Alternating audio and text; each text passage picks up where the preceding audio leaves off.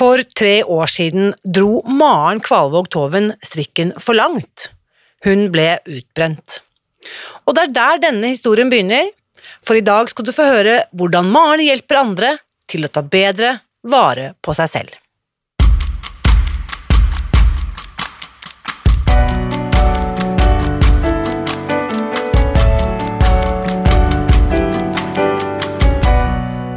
Mitt navn er Irina Lie. Jeg er journalist og forlegger, gründer og sosial entreprenør.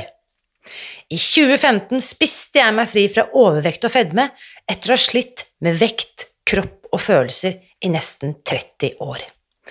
Etter at jeg knakk koden, ga jeg meg selv et nytt oppdrag – å dele denne kunnskapen med alle som trenger det. I denne podkasten kan du derfor høre hele lydboken Spis deg fri. Den finner du ved å bla deg tilbake i arkivet og lytte til første sesong. Hver uke inviterer jeg nå gjester som gir deg påfyll til hodet, hjertet og magen. For min visjon er å endre Helse-Norge, og det får jeg ikke til alene. Du bidrar ved å abonnere på podkasten, skrive en omtale i iTunes og tipse meg om hvem jeg burde invitere hit. Da setter vi i gang med ukens episode. Det er aldri så vondt at det ikke er godt for noe, sies det. Altså, jeg vet ikke om det alltid er sant, men akkurat i dag synes jeg likevel at det er en ganske treffende oppsummering. For den håpløsheten som Maren Kvalvåg Toven kjente på for eh, tre år siden, da hun møtte den berømte veggen, det førte til at hun måtte endre livet sitt fra innsiden og ut. I dag hjelper hun andre som ønsker å gjøre det samme. Her er ukens gjest. Velkommen til podkasten, Maren. Tusen takk. Dette er veldig gøy, for vi, vi, kjenner hverandre ikke, men jeg føler likevel at jeg kjenner deg litt, for jeg har jo fulgt deg på Instagram og liksom hatt deg i radaren. Og vi har ikke minst veldig mange felleskjente, og vi er faktisk med i en, i en gruppe med litt sånn helsefriks som er opptatt av helse og sånne ting, med et uh, par hundre damer der. Men vi kjenner hverandre ikke, så jeg, må, jeg, blir jo bare nysgjerrig på å få vite alt nå på at uh, jeg tenker denne damen må jeg snakke mer med. Så Maren, fortell litt om deg selv. Ja, jeg heter Maren Kvalvåg Toven, da. Jeg er, skal man si alder, jeg er 42 år. Yes, jeg begynner å bli voksen. Jeg er mamma til to barn.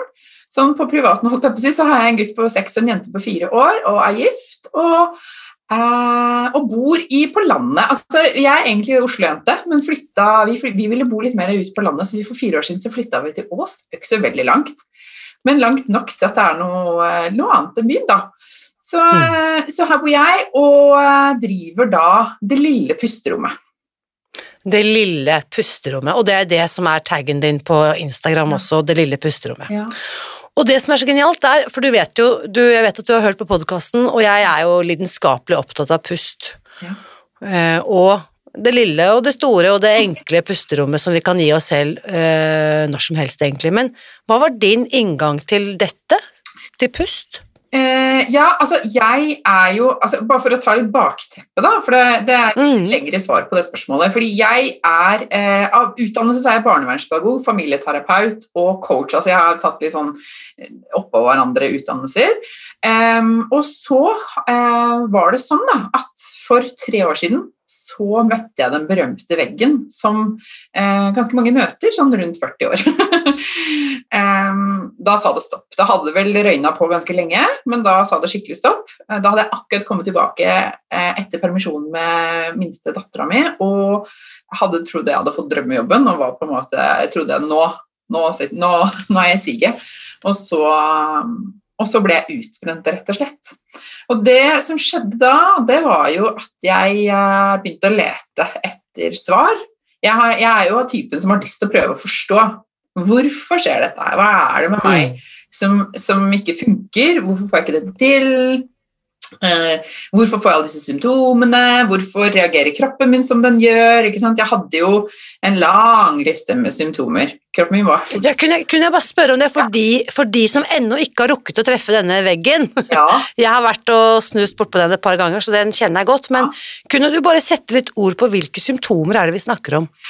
Altså, bare for å ha sagt Det det er innmari mange. Altså det, den lista er, Hvis man skulle hatt en uttømmende liste, så tror jeg vi kunne sittet der en stund. Men eksempler som, eh, som det kan være, er jo sant, eh, anspenthet i kroppen smerter som ikke vil slippe tak. Jeg gikk mye til osteopat behandling, og det slapp på en måte ikke taket. Altså sånn smerter i kjeven, jeg hadde konstant hodepine, hadde muskler som var stive. ikke sant? Det er jo en, en form for symptomer. Og så er det dette som handler om eh, som kan gå utover fordøyelsen, du kan få hormonell ubalanse. Jeg hadde alle tegn på overgangsalder var ikke i overgangsalderen. De forsvant da jeg ble frisk igjen. ikke sant? Det var masse, altså Kvinner vet jo hvordan hormoner spiller inn. og hvor mye, Når de svinger og er ute og sykler, så er livet ganske vanskelig å leve. Jeg var ganske, ganske ustabil hormonelt. Um, mm. Søvnproblemer, vanskelig med å konsentrere seg, er det mange som opplever. Hukommelses... altså Opplevelsen av å ikke huske hva som akkurat har blitt sagt i en samtale, eller ja, ikke sant? Hukommelsen mm. svikter, og konsentrasjonen svikter. Um, og, og, selvfølgelig er det mange som kan kjenne på sånn trykk i brystet, smerter, ikke sant? at pulsen er høy, hjertebank, ikke sant. Ja. Og her må jeg bare uh, skyte inn Dette er nå tre år siden, så det var ikke covid-relatert. Dette var jo før, ja, ja. forut for at uh, all den uroen mange av oss har kjent på i forbindelse med det. Ja, ja, nei, nei, ingenting med det å gjøre det var helt andre temaer som, uh, som dukket opp. Og så kommer jo alt dette som veldig mange beskriver for meg, dette med kort lunte, dårlig humør. Litt, sånn, litt lavt nede på, på humørskalaen. ikke sant? Altså bli fortere sint. I dag la jeg ut en post på Instagram hvor jeg forteller om da, at jeg ikke kunne huske sist jeg hadde ledd. Og jeg egentlig mm. er en litt sånn sprudlende person. Og så opplevde jeg at den siden av meg var fullstendig borte, og jeg ante ikke hvordan jeg skulle få den fram igjen. Eller jeg tenkte har den blitt borte for alltid? ikke sant, sånn. Og veldig mange opplever jo også den derre eh, følelsen av å på en måte bare henge i stroppen, eh, se etter lyset i enden av tunnelen. Man mister eh, ofte litt sånn eh, perspektivene, mulighetene, alternativene blir mm. borte. Det oppleves som du har litt skylappene på og tenker bare jeg får mm. liksom, gå i dette sporet her, og så håpe at jeg kommer dit en dag. Liksom, ikke sant? Altså, denne mm. Eh, følelsen av å ikke skjønne at det fins noen andre muligheter enn å bare ja, yes. henge i det. Mm. Og jeg, jeg, bare for min egen del så må jeg legge til at akkurat det du beskriver her, redselen for om jeg har mistet meg selv, kommer jeg noensinne til å føle meg bra igjen. Ja, veldig vanlig. Fordi inni den eh, blindgaten hvor jeg sto og stampet, så var det veldig, veldig mørkt, og jeg så på en måte ikke noe løsning på det. Jeg skjønte ikke hvordan, hvordan skal jeg fikse dette. Mm. Og så har jeg liksom lest også i eh, eh diverse Man kunne ha gått til yogaen, kinesisk medisin, man kunne gått til skolemedisin nå, men mm. dette, du vet, det uttrykket som sier at det sinnet som skapte problemet altså, you, you, cannot solve the problem from the same level that created the problem. Mm. Altså hvis du er på samme nivå som skapte problemet, mm. så går det ikke an å løse problemet mm. heller. Mm. Så, men dette var kjempespennende. Det er tre år tilbake. Du har en, eh, da en liten gutt og en enda mindre jente. Hun er bare typ eh, året gammelt, ikke sant? Og mamma klarer egentlig ikke å ta godt nok vare på seg selv. Hva skjer med Og jeg vet at det berører jo, i hvert fall kjenner jeg det på min egen del, alle vi som har barn, kjenner jo at det går rett inn ikke sant, i mammahjertet. Men uh, hva skjer da? Hva, hvor, hvordan finner du din vei ut? Eller videre, eller gjennom? Ja, altså Først så måtte jeg jobbe meg litt til å akseptere situasjonen. Jeg fikk jo et, et sånn lass av dårlig samvittighet og skam og det var flaut, syns jeg. Altså, jeg har jobbet, Siden 2005 har jeg ferdig utdanna og har jobba med å veilede og hjelpe andre foreldre, andre fosterforeldre. Jeg, har, jeg, har, jeg, er jo på en måte Hvis du tenker på den mammarollen, da, så er jo jeg en profesjonell mamma. Altså, jeg, dette bør jeg naile, liksom. ikke sant? Dette kan jeg, og så fikser jeg det ikke. Men det var jo ikke først og fremst på en måte at jeg, ikke, at jeg, var en dårlig mamma som gjorde meg syk, men jeg ble jo selvfølgelig en dårligere mamma fordi jeg var syk. ikke sant? Så det henger jo i hop. Mm. Så, så klart fikk jeg masse dårlig samvittighet overfor dem. Eh, men det var jo på et veldig lavt nivå da, en god periode. altså at Jeg, jeg eh, sto jo opp og var på en måte sånn Jeg ville ikke liksom at barna mine skulle Jeg måtte, ville jo være sammen med barna mine og gjøre det jeg kunne, så jeg fikk, fikk de av gårde i barnehagen, og så var det hjem og bare eh, eh flate ut men problemet var at jeg opplevde, som veldig mange opplever, at det å legge seg ned og hvile når man er utbrent, det er ofte ikke eh, noe hjelp i. For det som ofte skjer, det som skjedde med meg i hvert fall, var at den indre uroen og tankekjøret og den dårlige samvittigheten bare økte på. Når jeg skulle på en måte hvile, så hvile klarte jeg egentlig ikke. Eh, og så begynte jeg å bli nysgjerrig på hva er, det, hva er det som skjer med meg nå? For dette var litt skummelt og ubehagelig. ikke sant? Og så, så begynte jeg å lete etter svar, og jeg opplevde legen min eh, kunne ikke svare meg. Hadde veldig mm. lite kompetanse på hvordan ting hang sammen. Så hun foreslo medikamentell behandling, altså antidepressiva, og det sa jeg det er helt uaktuelt, jeg er ikke deprimert. Mm. Dette er noe annet. Eh, så jeg begynte å lese litt sjøl, så jeg begynte å sant, eh, høre på podkaster, eh, google ikke sant, og begynne å lete etter informasjon. Hvem er det som kan noe om dette her?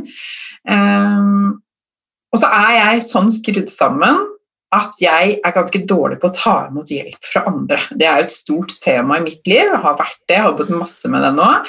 Jeg er dårlig på å be om hjelp, og jeg er dårlig på å ta imot hjelp. Så det å gå mm. til noen og snakke med noen satt veldig langt inne for meg. Jeg husker mamma sa til meg, vi var på hytta og så gikk vi en tur, så sier hun men man, skal du ikke Kanskje du skal få noe hjelp? Kanskje du skal snakke med noen? Og så kjenner jeg på sånn mm. Nei, det er, det er bare helt Det er ikke tilgjengelig for meg. på en måte. Nei, nei, det er ingen som kan hjelpe meg med dette, svarte jeg, tror jeg. Dette må jeg klare sjøl. Mm. Men så heldigvis, da, så, så, endret det seg. Og så kom jeg i kontakt med en fantastisk dame som, som introduserte meg for en forståelse av meg selv som jeg aldri hadde vært borti før.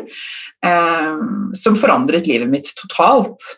Wow. Så, og det skjedde parallelt med at jeg skaffet meg kunnskap om dette med stress, og særlig kvinner og stress, da, som jo jeg jobber med nå, så, så uh, begynte jeg å skjønne mer hva som skjer i kroppen rent fysisk og mentalt. altså Hva er alle disse prosessene, hvordan henger dette sammen? Men også selvfølgelig hva er det som funker, hva er det man må gjøre, hvilke verktøy trenger man. Så det er den ene delen. Og den andre delen er hvordan jeg kunne jobbe med temaer i meg og mine mønstre som var fullstendig mm. kjørt fast. da.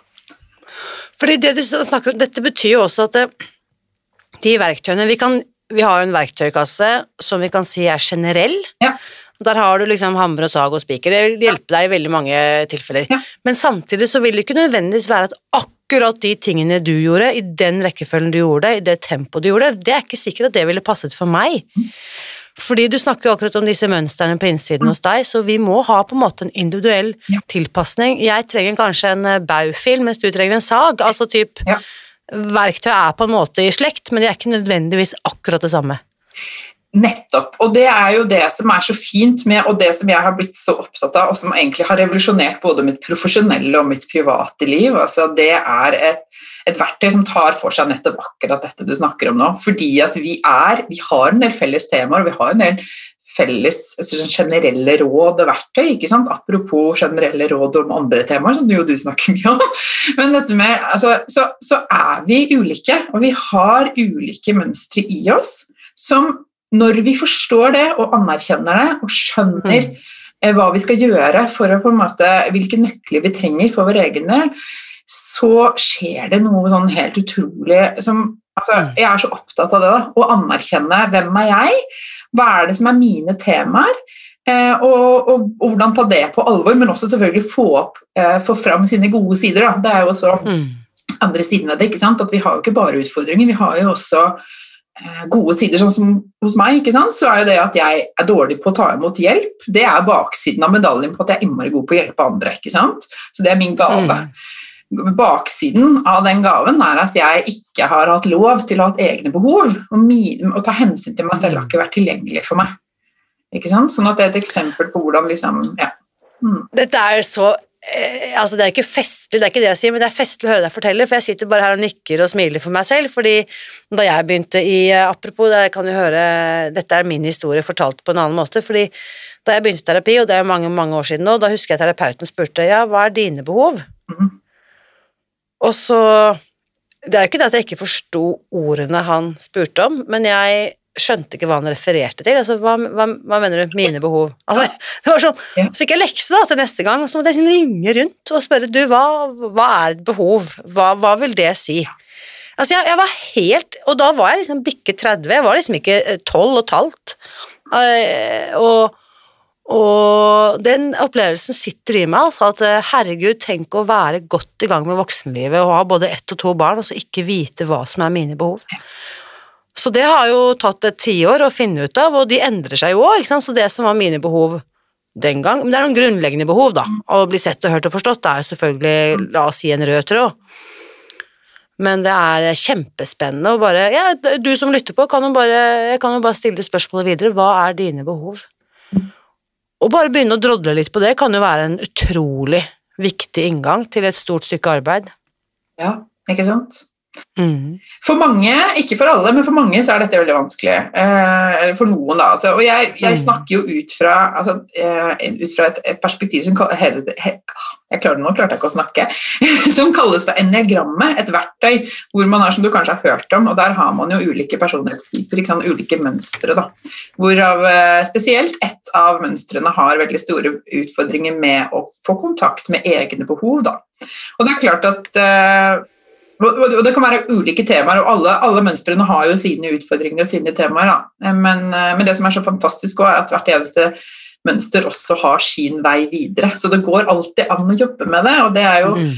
Sånn som jeg opplever at du også formidler, Mads Irina, dette med å gi et håp, da. Hvis det er liksom én ting som jeg eh, har lyst til å formidle, så er det det at det er alltid et håp. Det er alltid en mulighet for å finne veien videre hvis man føler Mm. at det kjører seg litt fast. Og det var vel det som gjorde at jeg bare tenkte ok, ehm, da er det kanskje håp for meg òg.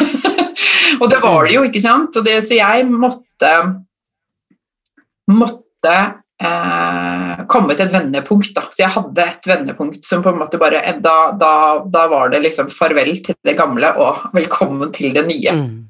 Og etter det så Altså, her, her må jeg bare fortelle, for jeg har en veldig god venninne som er en helt fantastisk eh, coach hun og jobber med dette som ett av sine verktøy. Og så gikk vi på lang tur i Nordmarka, det var vel eh, i fjor. Og hun forteller om dette eniagrammet og stiller meg noen spørsmål og holder på. Da. Det er første gang jeg hadde hørt om det. Og så før jeg visste ordet av det, så hadde vi gått til toppen av Villeløypa. Ja. For de som er kjent i Oslo-området, vet at det er en ganske bratt og lang eh, alpinbakke i Oslo-området. Ja. Uten at jeg egentlig hadde fått med meg hvordan vi hadde kommet opp dit. Fordi at jeg var så veldig fordypet i denne enneagramsamtalen. Men kan du ikke fortelle litt om den metoden for de som ikke har peiling på hva det handler om? Ja, gjerne. Jeg kan si både litt og mye om det. Men eh, altså, enneagrammet er et helt fantastisk, men ganske komplekst sånn personlighetsverktøy. Altså, eh, sånn som Min erfaring, da, jeg kan jo bare snakke ut fra meg selv, så er enneagrammet helt i særstilling. Altså, det er helt unikt både fordi det er veldig mye mer nyansert og mye mer komplekst enn mange andre sånne personlighetsverktøy som man kanskje har vært borti innenfor sånn jobbsøkingsprosesser eller andre ting. ikke sant? Så det enneagrammet viser deg, det er både hvilke ubevisste mønstre du har i deg. Vi har jo en del av personligheten vår som er synlig. Sånn. Det er typisk meg å gjøre ditt eller datt, eller jeg er sånn og sånn, kan vi si om oss selv. ikke sant? Men så er det sånn at vi har et lag under der som er det ubevisste i oss, altså det som opprettholder disse mønstrene.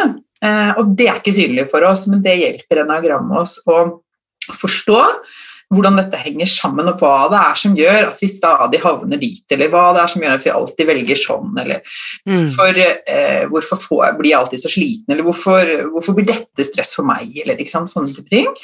Og så em, er det også sånn, og det som er veldig viktig med enneagrammet, det er nettopp at hvert eneste mønster har sin utviklingsvei, da. Mm. Så gjennom enneagrammet så får du også oppskriften på akkurat hva du skal gjøre, hvor du skal justere, hva som er dine nøkler for å komme videre. Så det er det som er så fantastisk med det, syns jeg. Mm. Og det som er, er det ikke ti ulike er personlighetstyper? ni, det er ni hovedtyper, Ni. og så har hver, hvert mønster tre undertyper. Så det er jo egentlig 27. Så det er ganske Ja. Mm. Men det som jeg syns var interessant, eh, bare på den eh, lange, korte samtalen jeg hadde med min gode venninne, det var jo også at idet jeg forstår noe av dette, så skjønner jeg også hvor ulike vi er, slik at jeg kanskje har muligheten til å forstå barna mine bedre, eller partneren min, eller andre venner og bekjente, at å ja, men vi er ikke helt skrudd sammen likt, Mm. alle sammen. Eh, og, og det har jeg også hatt, liksom, apropos spist deg fri, når jeg har møtt mennesker som sier dette her klarer ikke jeg å forholde meg til, jeg skjønner ingenting. Og så tenker jeg sånn, da kan det hende at du kanskje ikke er matavhengig, eller på en måte disponert for matavhengighet. For da er det veldig uforståelig å skulle begrense inntak av mat, hvis ikke det er Mm, ja. Hvis det bare skjer helt naturlig, så er jo ikke det et verktøy du trenger. Men det er også sånn eh, Sånn som disse søstrene Ilen, som også er kjente navn innen det terapeutiske, sa at på seg selv kjenner man ingen andre. ja, det er godt sagt. Og det syns jeg er et veldig godt begrep. På meg selv kjenner jeg ingen andre, for jeg kan faktisk ikke vite eh, om du og jeg, Maren, opplever verden eh, gjennom de samme brillene. Riktig. Og nettopp apropos briller, det er jo det som på en måte altså Enagrammønsteret ditt er liksom brillene eller filteret ditt mot verden. Da. Du Ja. alt gjennom dette Mm. Og det betyr at du og jeg kan se ting fra helt forskjellige planeter, eller oppleve en samtale helt ulikt. ikke sant? Og akkurat sånn som Mm. du sier, det er en gave i relasjoner. Altså, det har hjulpet meg masse i mitt eget ekteskap, i forhold til barna mine, i forhold til å forstå vennene mine. Altså Bare det der å skjønne hvorfor blir det alltid så klinsj her? Eller hvorfor er hun aldri interessert når jeg snakker om følelser? Hvorfor kobler hun ut da? Det har en helt Mm. naturlig forklaring, enda så provoserende kanskje kan være, da. Men altså det, der, det å begynne å skjønne at å ja, det er kanskje her det ligger, eller ikke sant? Mm. Men da er jeg nysgjerrig på, siden vi snakker om disse brillene eller dette filteret, kan jeg endre enneagrammet mitt? Altså Kan jeg begynne i kategori eh, sånn og sånn, og så ende, helt, og ende opp et annet sted? Nei. Altså Enagrammønsteret er du født med, så det er, ligger i hele deg. ikke sant? Det er liksom essensen innerst inni deg. Eh, så vi skal aldri, det er, det er aldri et mål heller at du skal ut av mønsteret ditt. Og det er ingen mønstre som eh, Det er ikke noe hierarki her. Det er ikke noe grad... Er det ingen som er best, liksom? Er det ingen Sorry. vinnere? Så kjedelig. Ja. Men det som er ganske vanlig, det er at folk kan si sånn Å, jeg skulle ønske jeg var litt mer sånn som eneren. Og så sier jeg alltid Tro meg, eneren har sine ting. Alle mønstrene har sine utfordringer hvor det liksom låser seg litt.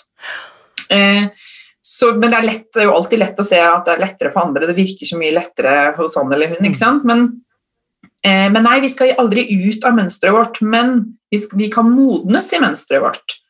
Så vi Mm. kan komme opp på et annet nivå eh, og komme oss litt ut av det som kjører seg fast.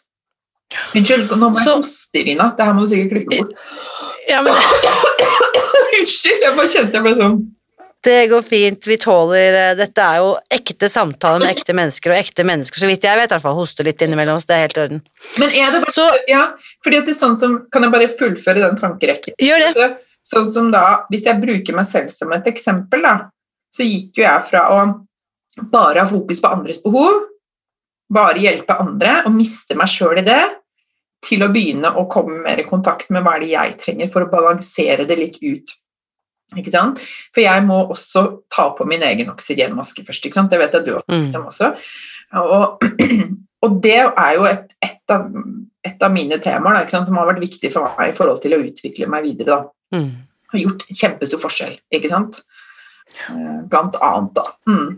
Nå, nå må jeg bare skyte inn, nå skal jeg være liksom eh, mine egne kritikere, holdt jeg på å si, uh, i møte med deg. Og det er sånn Ja, men Maren, det der er, kan du ikke mene. Setter du deg selv først, liksom, og du som er mor, og du burde vite bedre, og ikke sant Du kan jo ikke liksom ta hensyn til deg selv, først og fremst. Det er jo veldig egoistisk. ja, Du syns det? ja, og det syns jo jeg òg før. ikke sant? Og, og Mm. jeg følte meg kynisk, jeg følte meg egoistisk, jeg fikk dårlig samvittighet. Så jeg, sånn at på en måte alt ble bare lagt lokk på, så ble det borte. Eh, og problemet med det ble jo at jeg ble syk, så jeg endte opp med å ikke kunne gjøre noen ting. Jeg hadde ingenting å gjøre Mm. noen. ikke sant? Så det har du på en måte den der, Jeg jobber jo masse med, med, med coachingkundene mine om også når den der dårlige samvittigheten dukker opp. Hva er det egentlig det handler om, og hva er egentlig Mm. dårlig samvittighet? For dårlig samvittighet skal jo egentlig vise deg når du har gjort noe gærent, når det er noe du skal be om unnskyldning for, eller noe du skal rette opp i. ikke sant? Men det å ta vare på seg selv, tenker jeg for det første du har ingenting å gi til barna dine hvis ikke du tar vare på deg selv først. ikke sant? You, Mm. you can't pour from an empty cup, som det heter. Eller du må ta på din egen oksygenmaske først. Så du skal kunne ha noe å kunne hjelpe andre med. ikke sant? Det er det ene siden. Mm. Og så tenker jeg også et poeng som jeg syns vi må snakke mer om. Hva lærer vi barna våre? Ja, For vi det er så bra. Mammaer som, som, som er mammaer nå, i vår generasjon, vi er så flinke på alt mulig rart, og vi skal, vi skal jammen meg ha lederstillinger, og vi skal se ut som en modell, og vi skal eh, være verdens beste mammaer og gå på kurs for det. Altså, vi skal prestere på alle nivåer. hva er det vi egentlig lærer barna våre? Vil vi at barna våre skal bare henge i stroppen, eller hva er det vi ønsker? Mm. Hvilke verdier er det som er viktig for deg å formidle videre til ungene dine? Mm. Og for meg så ble det sånn, det var jo et av valgene som vi gjorde når vi flytta på landet. Jeg sier ikke at alle skal gjøre det, men for oss ble det viktig ut ifra hva vi så var viktig for barna våre. Og så kommer i neste rekke da, at jeg vil faktisk ikke at mine barn skal gå på en smell.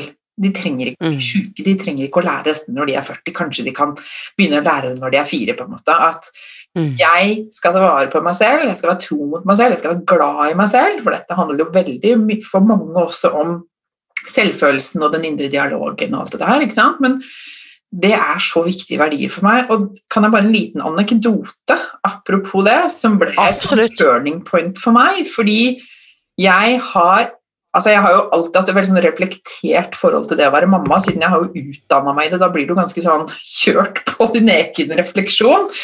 Eh, og, og hvis det var én ting som jeg ville formidle videre til barna mine, så var det at de, skulle, at de var gode nok akkurat sånn som de var. Spiller ingen rolle hvordan du ser ut, hva du er god til, hvem vennene dine er, hvilke valg du tar. Jeg skal vise barna mine ubetinget kjærlighet. Det har vært liksom sånn superviktig verdi for meg. da. Og så var det en dag hvor det gikk opp for meg at jeg driver og formidler dette til barna mine, og så tror jeg ikke det samme om meg selv. Mm. Jeg har en kjempebetinga kjærlighet til meg selv. Jeg var ikke glad i meg selv. Jeg var skikkelig stygg med meg selv. Jeg har mobba meg Mm. selv hele livet. Og så skal jeg liksom si til de at de skal være glad Det, det, det sier seg selv, det henger jo ikke på greip. Det er troverdigheten bare pff, Ikke sant? Mm. Um, jeg må begynne med meg sjøl. Og det var sånn, Mm. den dagen, Jeg får gåsehud når jeg snakker om det, for den dagen Mm. glemmer jeg aldri. Og det, det var sånn, Den dagen måtte jeg rett og slett bare Jeg leverte barna, så var jeg hjemme og så bare grein jeg og grein og grein. og grein. Jeg Mm. måtte på en måte eh, nesten gå gjennom et sånt brudd med mitt gamle jeg. Fordi at jeg skjønte at jeg må starte med meg sjøl. Mm. Og først da kan jeg forhåpentligvis klare å formidle det videre til Mm. troverdig, da. Så ja. Mm. Ja, det, er- dette er så sterkt å høre deg fortelle, og, og jeg hadde en Apropos podkast, altså det er så utrolig mye kunnskap som, fantastisk kunnskap som formidles i podkastmediet.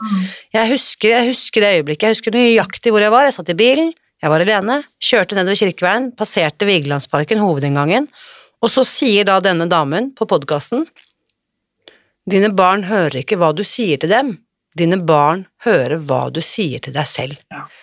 Og det var nesten så jeg holdt på å kjøre av veien, så jeg måtte bare eh, og, og, jeg trengte ikke å skrive det ned, jeg trengte ikke liksom Det bare har bare spikret seg fast. Ja. Dine barn hører ikke hva du sier til dem, de hører hva du sier til deg selv. Og det er akkurat i kjernen av det du sier her, Maren, at uh, vi kan ikke stå og forelese om en egenkjærlighet hvis vi selv driver med selvskading. Mm. Det er så viktig, altså. Og det for meg også, apropos den der reisen i det å skjønne stresset, så var det jo mye Mm. der det lå for meg at stress handlet ikke for meg om tidsklemma nødvendigvis, selv om ja, en travel hverdag med to barn og ny jobb og alt sånt her, men, men dette var det indre stresset jeg måtte ta tak i, da. Og det er det for veldig Mm. mange. Jeg pleier å si at det er det indre stresset som både kanskje er det viktigste og det vanskeligste å jobbe med, og som flere, sånn, mange trenger hjelp med utenfra, fordi man ikke helt ser det eller vet helt hvordan man skal gripe det an. eller sånt. Da.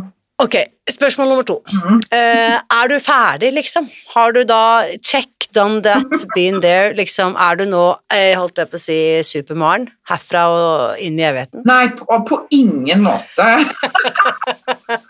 og jeg husker var, For noen måneder siden så var det en en av kurs, Jeg har et online-kurs, det var noen av kursdeltakerne mine som sendte meg en mail om at hun hadde drømt om meg, og at jeg var i sånn evig zen.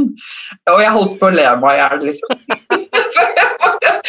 og jeg fortalte det til min mann min, han bare ja, særlig. ikke sant? Eh, nei, på ingen måte. Dette er jo en ongoing process. altså det, Hele livet vil jo eh, jeg måtte ta vare på meg selv, eller gjøre disse tingene som jeg vet at jeg trenger. Det er jo det som er forskjellen, at nå vet jeg jo hva det er, ikke sant?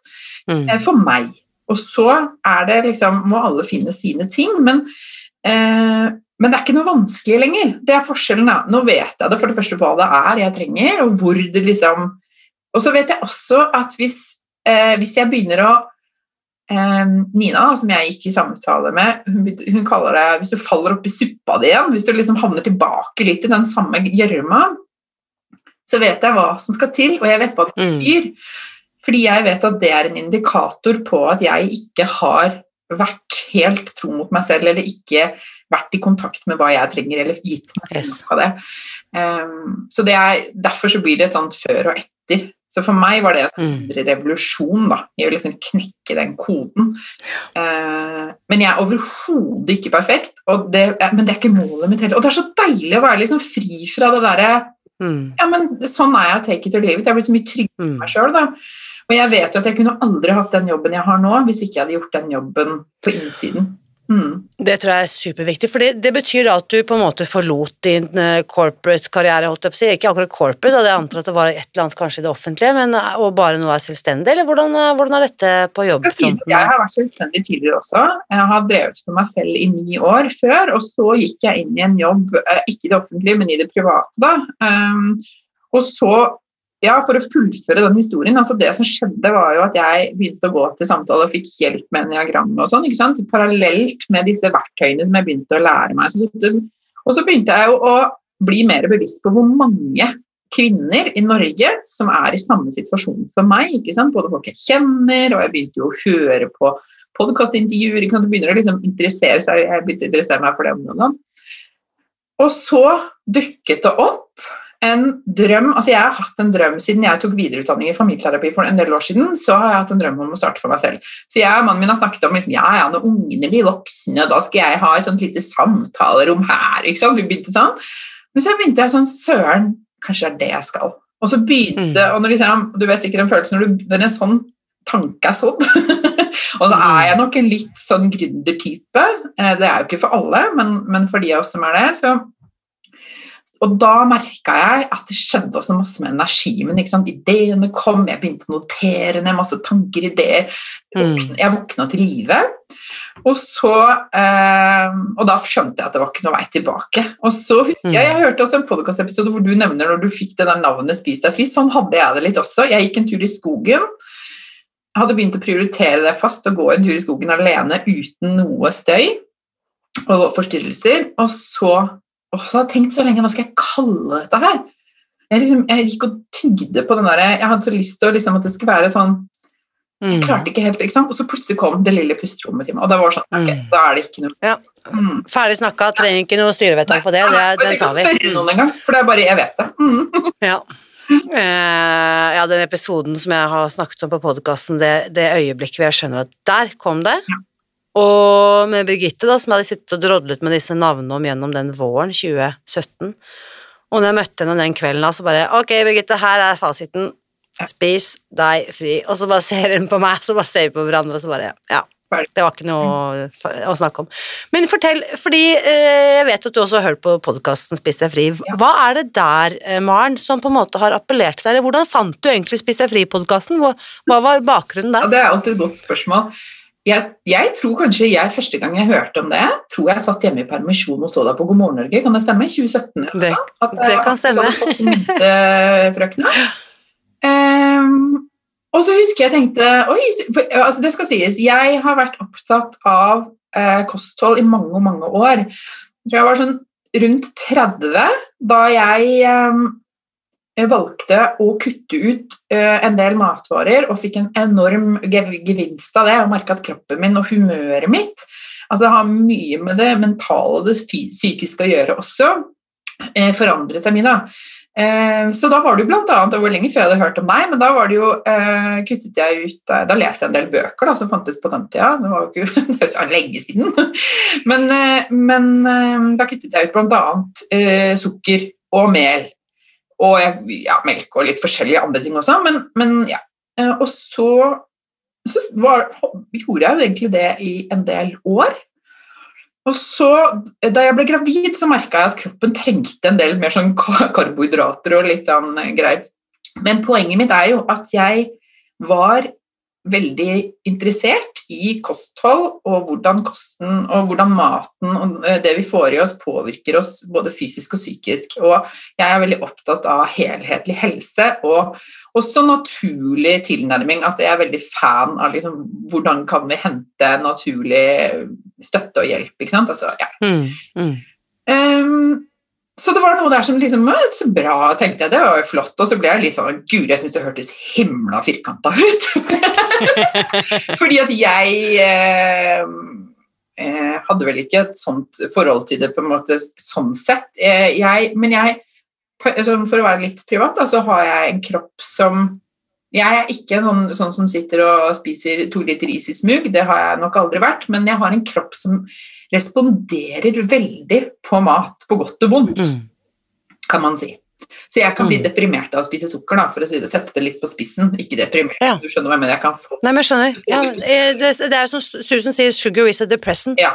Så det, du blir nedstemt. Jeg er med på den. Mm. slett. Det er et eksempel, da. Og så er jeg typen som kan legge på meg to kilo og gå forbi smågodthylla. på en måte. Altså, sånn har kroppen min vært hele tiden.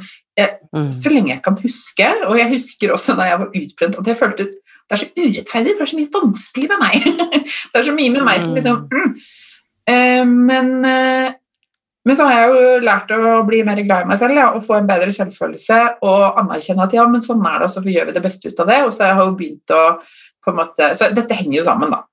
Men dette var et mm. veldig langt svar på spørsmålet ditt. Det du spurte om, ja, det var sånn jeg fant, hørte om deg, men det er lenge siden, og så på en måte har jeg ikke, gjorde jeg ikke noe mer med det. Og så kom jeg over jeg, Vet du, Jeg er faktisk ikke helt sikker, men jeg hørte litt på podkasten din også for kanskje et par år siden. Nei, kanskje det mm. var i den perioden jeg var utbrent.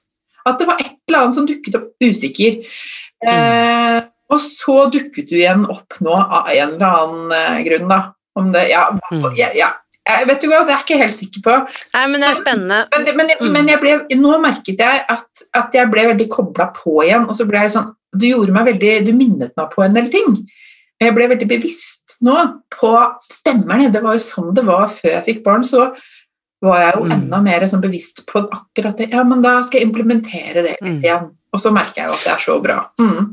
Fordi det jeg vet, og det som du også formidler med bravur på Instagrammen din, som alle må sjekke ut, den heter altså Det lille pusterommet i bestemt form, ehm, det er jo dette med å lytte innover. Ja kjenne på magefølelsen. Og så tenker jeg rent fysiologisk, hvis vi ikke går inn i noe sånn eh, spirituelt i det hele tatt, men tenker bare rent fysiologisk kroppen vår, den fysiske kroppen. Da, hvis jeg tenker på ordet magefølelse, selvsagt blir den påvirket av hva jeg putter oppi den. Ja. Altså det, det, er, det, er, nesten så logisk at det er pinlig å si det høyt, ja. men bare, det er ikke alle som reflekterer over dette. Nei, nei. Så det betyr at når jeg spiser annerledes, ja. så endrer også magefølelsen seg. Og eh, så enkelt som bare gjør det eksperimentet. Gå hjem, kjøp to kilo smågodt og spis. Det skal du selvsagt ikke gjøre, men du skjønner. Altså, eh, kjenne etter når du har spist et eller annet, eh, og kjenne etter hvordan du føler deg. Bare kjenn på magefølelsen etter et måltid, eller etter at du har spist noe som du tenker ikke er bra for deg, eller når du har spist noe som du er skikkelig fornøyd med, som har vært en fargerik, flott, fantastisk, fin, sunn lunsj eller middag, og så bare kjenne etter forskjellen. Det er jo vi kan starte så enkelt, egentlig, og bare kjenne litt innover. Ja, så, ja, jeg er så enig, og, og det her er så, det er så synd at folk ikke At ikke alle er klar over det, for jeg tror at veldig mange har mye å hente på det. Og rett og slett være mer ja, mhm. lytte mer til sin egen kropp. Jeg snakker masse om det å fange opp kroppens signaler. fordi at, Og veldig mange ja, men hæ, hvordan gjør jeg det? Jeg aner mm. ikke, ikke sant? enten om det handler om dette med mat eller stress eller sykdom, hva det nå er for noe. Når vi, veldig mange sier å, jeg føler at kroppen min ikke spiller på lag med meg, er det ofte folk sier at det er så slitsomt når kroppen ikke spiller på lag. Og så pleier jeg ofte å si at, at kanskje vi ikke skal vente på at kroppen spiller på lag med at kanskje vi skal begynne å spille litt på lag med den, og komme den i mm. møte. For jeg tror at kroppen vår snakker sant. da, den, de signalene den sender ut, det er sannheten. Vi må lytte til den. Om det betyr mm. for meg at jeg ikke kan spise frokost, spise sukker, men venninna mi kan spise bøtter og spann, ja vel. Da må kanskje mm. jeg leve sånn som jeg kan leve, ikke sant? Og, og jeg tenker at i det også ligger det så mye egenkjærlighet, det der med å faktisk anerkjenne Sånn er jeg, sånn er kroppen min. Mm. Dette, Mm. dette kjenner jeg. Dette, hvis jeg skal være ærlig med meg selv nå, hvis jeg skal ta vare på meg selv, så må jeg ta dette på alvor. For det som ofte skjer, er jo at hvis vi ikke tar det på alvor, så bare skrur kroppen til symptomer, Yes. ikke sant? Yes. Til du hører. Mm.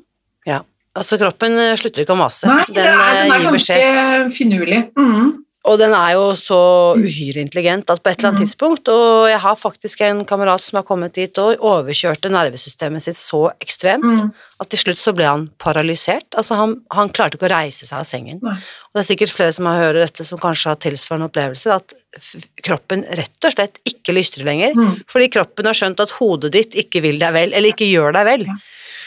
Ehm, så det er greit å være litt sånn uh, Jeg skal ikke ha så veldig mye sånn uh, varsko rød flagg fra magen min før jeg Mm. stopper opp og Mm. prøver å sjekke inn hva, hva er det jeg driver med nå, hvor er jeg på vei? Ja. Uh, og det er det som er så fantastisk, når vi har tilgang på disse verktøyene og fått en del kunnskap om vår egen atferd, så kan jeg jo på en måte course correct, altså justere kursen Mm. før jeg havner ut i grøften. Jeg kan se at ei sann, nå er jeg litt sånn på skakke her. Ja. På tide å komme seg liksom inn på, på rette linjer, eller rene linjer som vi snakker om, da, men vite at det finnes en enkel vei hvor ting er i flow og jeg har det bra. Ja.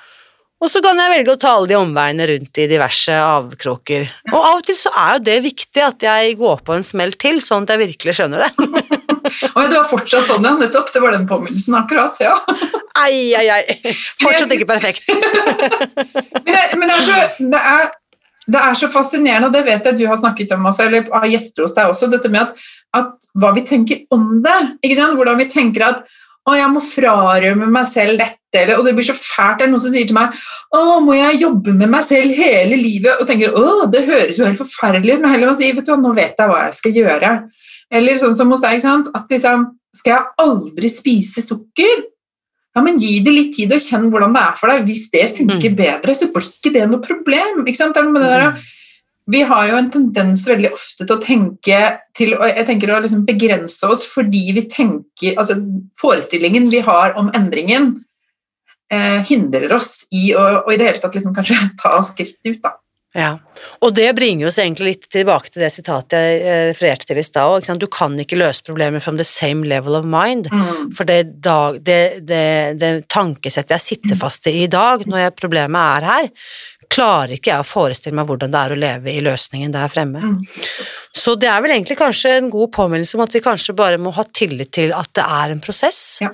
Og at jeg ikke nødvendigvis kan forutse hvor jeg er øh, frem i tid, enten det er to uker, som jeg snakker om i Spis deg fri, bare gi det en sjanse i to uker, så vil du på en måte ha en helt ny Mm. faktisk en helt ny tarmflora, du ville fått nye smakstotter i munnen, du? Du, alt er på en måte endret på to uker. Um, og kanskje er det snakk om to timer frem i tid, eller to år, men at, at vi er, har respekt for at det er en prosess, da. Mm. Ja, og, og, og sånn som sikkert ikke sant, du opplever, og som også jeg opplever med de som kommer til meg, er at de tenker jeg vet ikke om jeg orker dette her, jeg. eller det koster for mye, jeg har ikke energi til å sette i gang en Mm. voldsom prosess. ikke sant? Eller det er noen som sier til meg å ja, jeg tenker at jeg, jeg trenger hjelpen, eller jeg ønsker hjelpen, men akkurat nå så orker jeg det ikke, for de tenker at det er en sånn uoverkommelig, massiv, Mm. voldsom jobb. Og det er klart at Går man inn i det, enten om det handler om livsstilsendring eller annen form for endring, så, så blir det jo voldsomt. eller Da, da, da tror jeg også at Mm. man liksom Hvis man heller tenker at ok, jeg skal, jeg skal ta den samtalen, eller jeg skal ta den praten, eller jeg skal ta den dagen. ikke sant, Sånn som du sier, en dag av gangen eller to uker. Jeg skal bare stick to the plan. Akkurat den lille biten Mm. her skal jeg ta nå.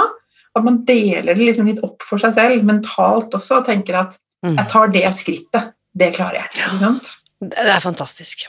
Eh, alle kan finne Maren på Instagram, Det lille pusterommet, og du har også en nettside som heter det samme. Det lille Det lille Ja, ja. Og på Facebook for de som er der, da, så er jeg der også. Og på Facebook. Ja. Ehm, parting words, eh, Maren, er det noe du tenker at eh, Jeg holdt på å si disse damene som hører på oss, det er mange menn som også, hvis du er mann som hører dette Alt dette kan selvfølgelig appliseres for Ja. menn også, men hva tenker du den som hører på dette og er litt sånn usikker, eller hva, hva gjør jeg nå? Hva tenker du der?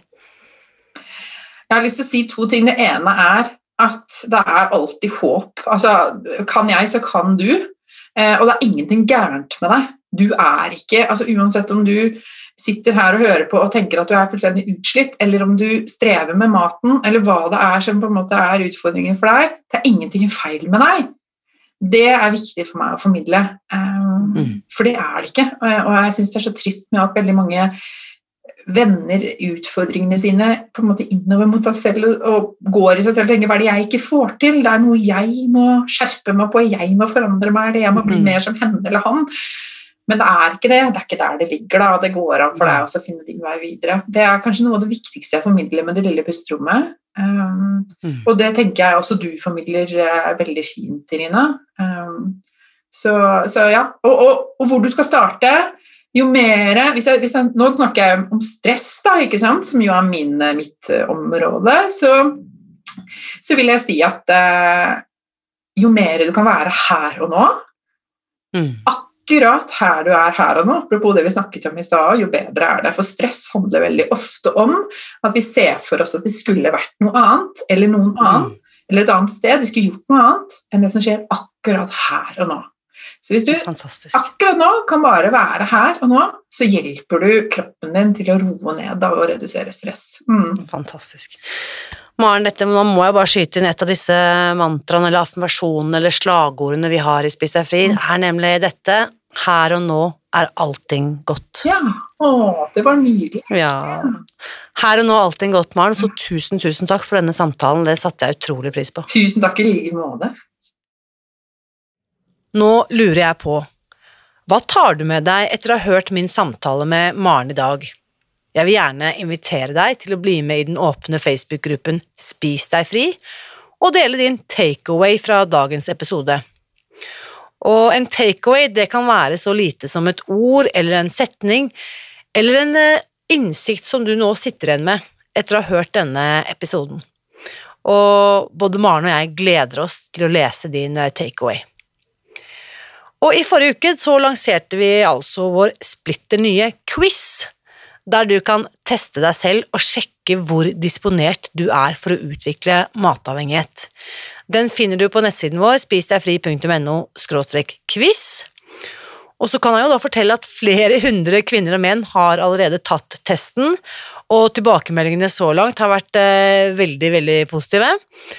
Og eh, det mange gir uttrykk for, er at de har ventet så lenge på å få et sånt testverktøy på norsk, og nå er den altså her. Og du tar denne testen på våre nettsider helt gratis, så klart, ved å gå til spisdegfri.no quiz. Husk også, uansett hva du gjør for å gi deg selv et lite pusterom, så vit at jeg heier på deg. Alltid.